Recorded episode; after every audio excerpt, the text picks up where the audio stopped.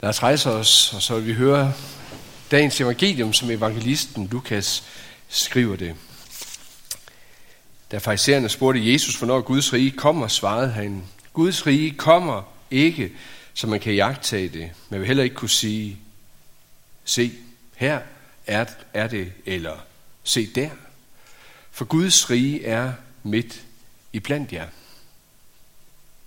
Men han sagde til disciplene, der skal komme dage, da I vil længes efter at se blot en af menneskesøndens dage, men I skal ikke se den. Man vil sige til jer, se, der er han, eller se her. Men gå ikke derhen og følg ikke efter, for som lynet lyser fra den ene ende af himlen til den anden, når det lyner, sådan skal menneskesønnen vise sig på sin dag. Men først skal han lide meget og forkastes af denne slægt. Og som det var i Noahs dage, sådan skal det også være i menneskesøndens dage. De spiste og drak, giftede sig og blev bortgift lige til den dag, da Noah gik ind i arken, og syndfloden kom og udslettede dem alle. Eller som i Lots dage, de spiste og drak, købte og solgte, plantede og byggede, men den dag, da Lot forlod Sodoma, regnede ild og svov ned fra himlen og udslettede dem alle. På samme måde skal det være den dag, menneskesønnen åbenbares.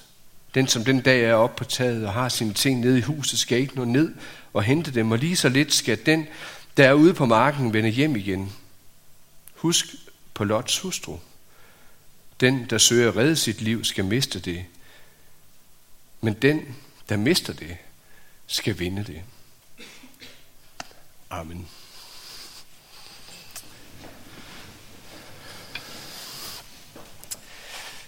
Kære Kasper, jeg har længe ville skrive til dig, men har ikke lige kunne finde den gode anledning. For jeg forstår på en måde godt, at det virker underligt og livet at tro på det, jeg tror på. Den anden morgen blev jeg mindet om det igen. Verdensprofeterne, medieeksperterne, tog fejl i deres selvsikre og klare profeti om den amerikanske fremtid og slækker nu sin sorg. Vi vågner op til, at nu vil verden snart ikke stå længere. Et løsgående missil med magt ville utvivlsomt kunne sætte en ny krig i gang og skabe ufred i verden. Eller ligegyldighed over for klimaforhandlinger, som vil blive jordens undergang. Trump triumferede, men var det tegn på dommedag og Jesu genkomst? For nogen blev det en antydning midt i alt det andet, som kan virke håbløst i vores verden. Jeg ved godt, at det meste er en talemåde. Forgår verden under, og kommer Jesus igen? Er det ikke kun religiøs snak? Jeg er godt klar over, at du og jeg har forskellige forudsætninger for at give et svar på det. Hele mit liv har jeg levet i den overbevisning, at det er sandt det med Jesus. Bibelen er ikke en opdigtet bog. Jesus har levet her på jorden. Han er nu i det himmelske hos sin far. Jeg kan ikke svare på, hvor det er, men tror på den nærværende, åndelige og evige dimension i tilværelsen. Og fordi jeg ikke oplever, at Gud lyver i sine udsagn om det, der er sket og skete med Jesus, tror jeg på, at han kommer igen. Lige pludselig. En dag. Jeg kan se for mig, at du ryster lidt på hovedet, når jeg tænker på dig, i hvert fald indvendigt, sådan som du har gjort det før, når vi har talt om det med tro. Som videnskabsmanden, som du er, så står mange spørgsmål i kø hos dig for at blive klarlagt først, før en dette kan virke bare en smule fornuftig. Og jeg medgiver gerne, at der er mange ting her, som ikke bare lige lader sig forklare med beviser. Men det betyder jo ikke, at det ikke kan være sandt. Jeg er med på at vende tilbage til de mange spørgsmål en anden gang. Men prøv at tage med på denne rejse. For mig er der mange ting, som peger på, at verden har sin gang mod en afslutning. For eksempel årets cyklus med efterår, hvor tingene forfalder. Nogle gange også med en skønhed, andre gange bestemt ikke. Efterfulgt af en vinter med sin dvale og håb i sig på noget mere og bedre. Til foråret og sommer, hvor alt får nyt liv med lys, varme og livsenergi. Den gode økologi er for mig en afspejling af noget større og mere oprindeligt, ja med evigheden sker. Vi skal dø en dag. Sådan er naturloven, siger vi. Jeg tænker nu, at det ikke er så naturligt, for vi var som mennesker bestemt til noget andet. Det naturlige ved at være skabt er at leve. Selvom livet forfalder og forgår for øjnene af os, er det ikke slut. Prøv at følge mig lidt længere, selvom jeg godt ved, at nu er der meget, som strider mod fornuften, og det vi kan se for vores øjne. Når jeg har stået ved min fars og lillebrors grav og sagt ordene, af jord er du kommet, til jord skal du blive, så har det givet god mening. For det kan jeg se for mig. Jeg ved, at det er sådan. Men den næste sætning giver lige så god mening for mig, når jeg har sagt, at jorden skal du igen opstå. Jeg tror på, at der er liv efter døden.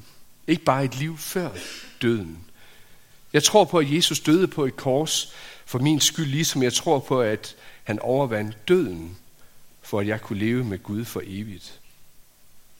For her er der virkelig en naturlov, at der må død til for at give liv.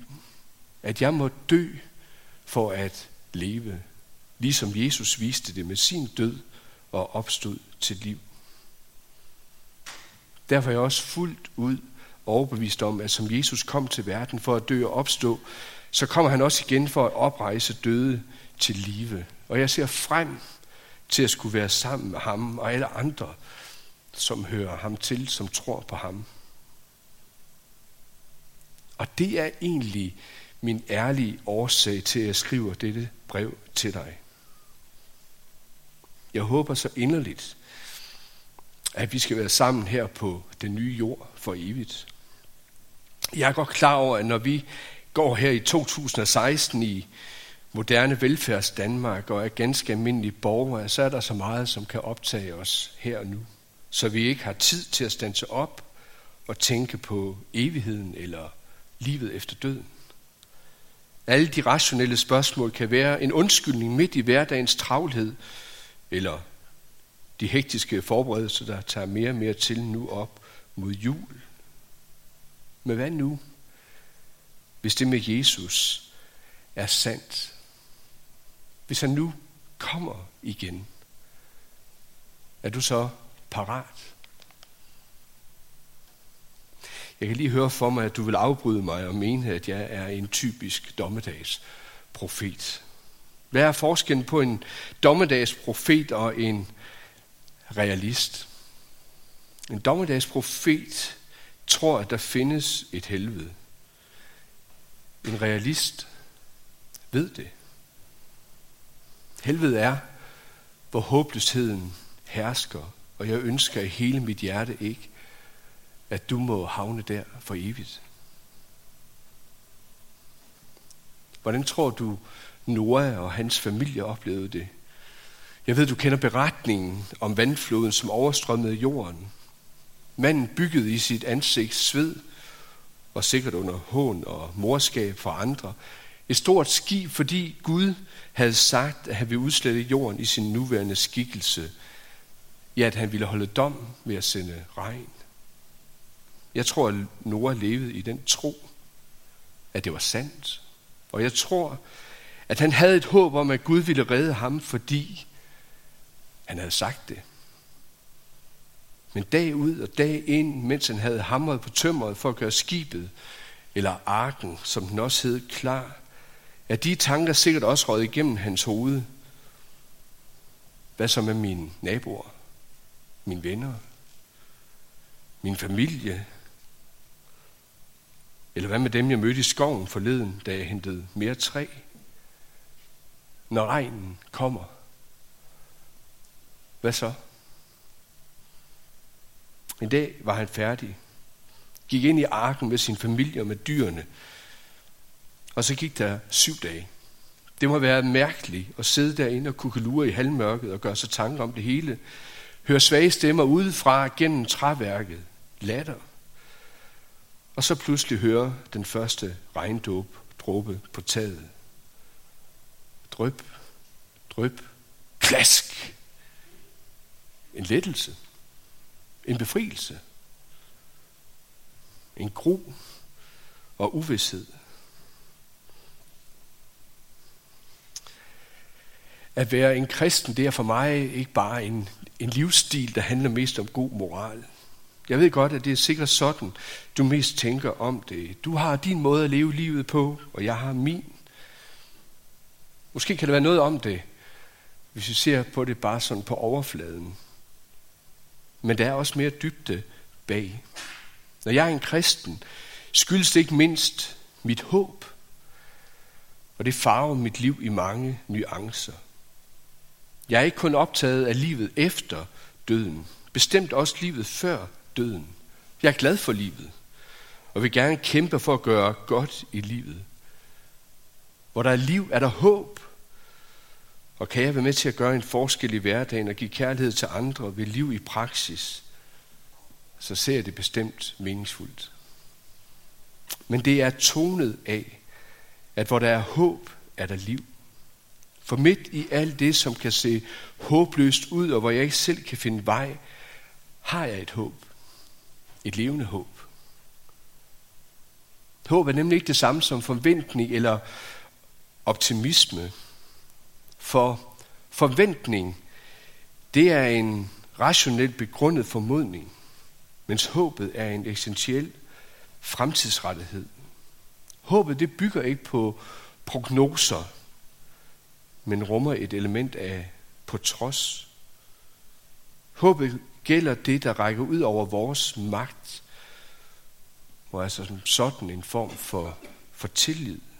Håb bringer overskud til nutiden. Måske du husker den tjekkiske præsident Václav Havel. Han sagde engang sådan, jo mere ugunstig den situation er, i hvilken vi bekræfter vort håb, jo dybere er dette håb. Håb er ikke simpelthen optimisme. Det er ikke en overbevisning om, at noget vil gå godt, men en vidshed om, at noget giver mening, uden hensyn til, hvordan det går. Jeg tror altså, at det håb henter vi så at sige andet steds fra. Jeg kan ikke lade være med at tænke på nogle vers i Bibelen, som siger mig meget om mit håb. I et brev til menigheden i Rom skriver apostlen Paulus, til det håb er vi frelst.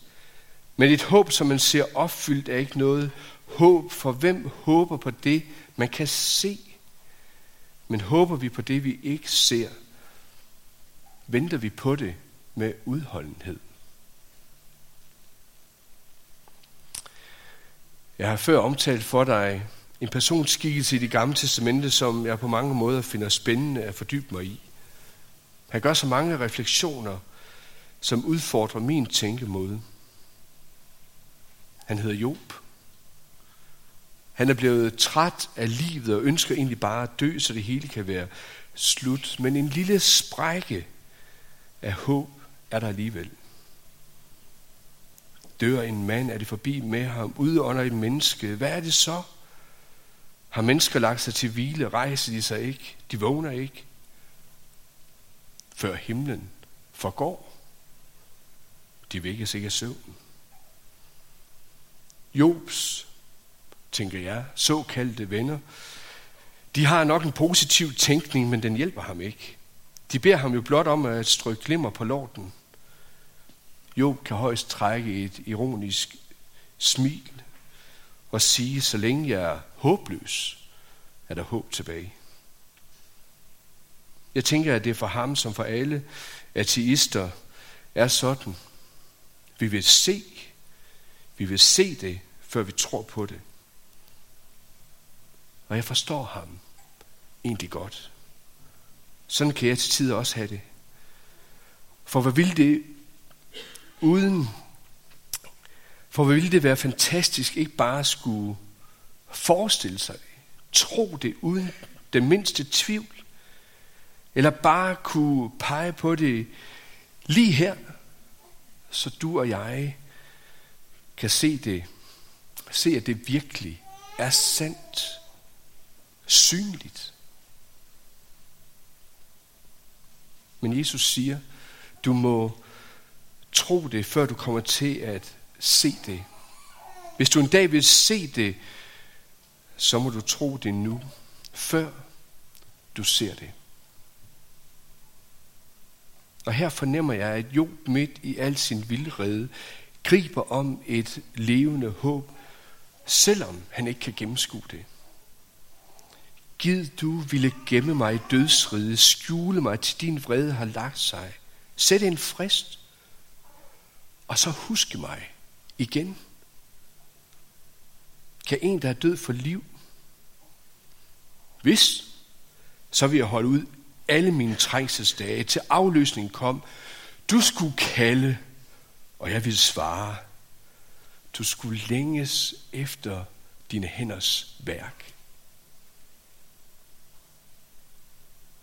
Og kære Kasper, det er her, jeg lander for min egen del. En dag tror jeg på, at Jesus vil kalde mig ud af min grav til evigt liv hos sig. Iklædt uforgængelighed. klædt udødelighed. Et liv uden synd, sygdom, smerte, tårer, ja uden død. Et liv med alle Guds børn. Et liv i gensyn. Og skulle Jesus komme igen, før jeg dør, så vil det være samme forvandling, der kommer til at ske med mig. Jeg har slut mit brev til dig med at pege på den gode gamle Christopher Columbus, helt tilbage sidst i 1400-tallet, som fandt Amerika. Du kender historien. Dengang, der levede han i en verden, hvor man troede, at man kendte det hele, og mente, at man allerede havde udforsket det, der kunne udforskes. I århundredet, der havde man en motto, der hed non plus ultra. På godt dansk, der er ikke mere på den anden side. Det står også på en statue af ham i den spanske, spanske by Valladolid i dag. Men nu er der en løve på statuen, som har spist de tre første bogstaver på vej til det, så egentlig bare står ultra plus. Der er mere på den anden side.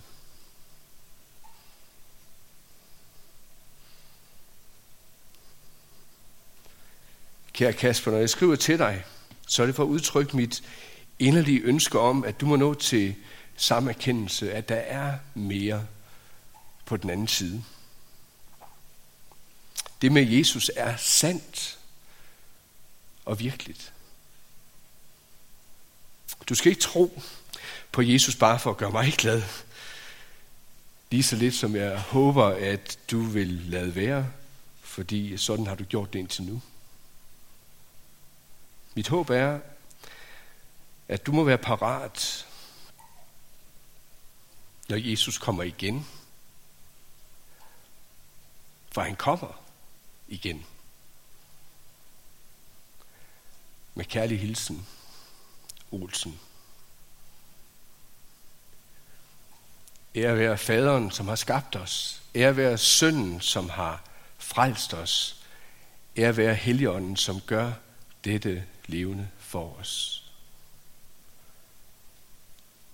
Amen.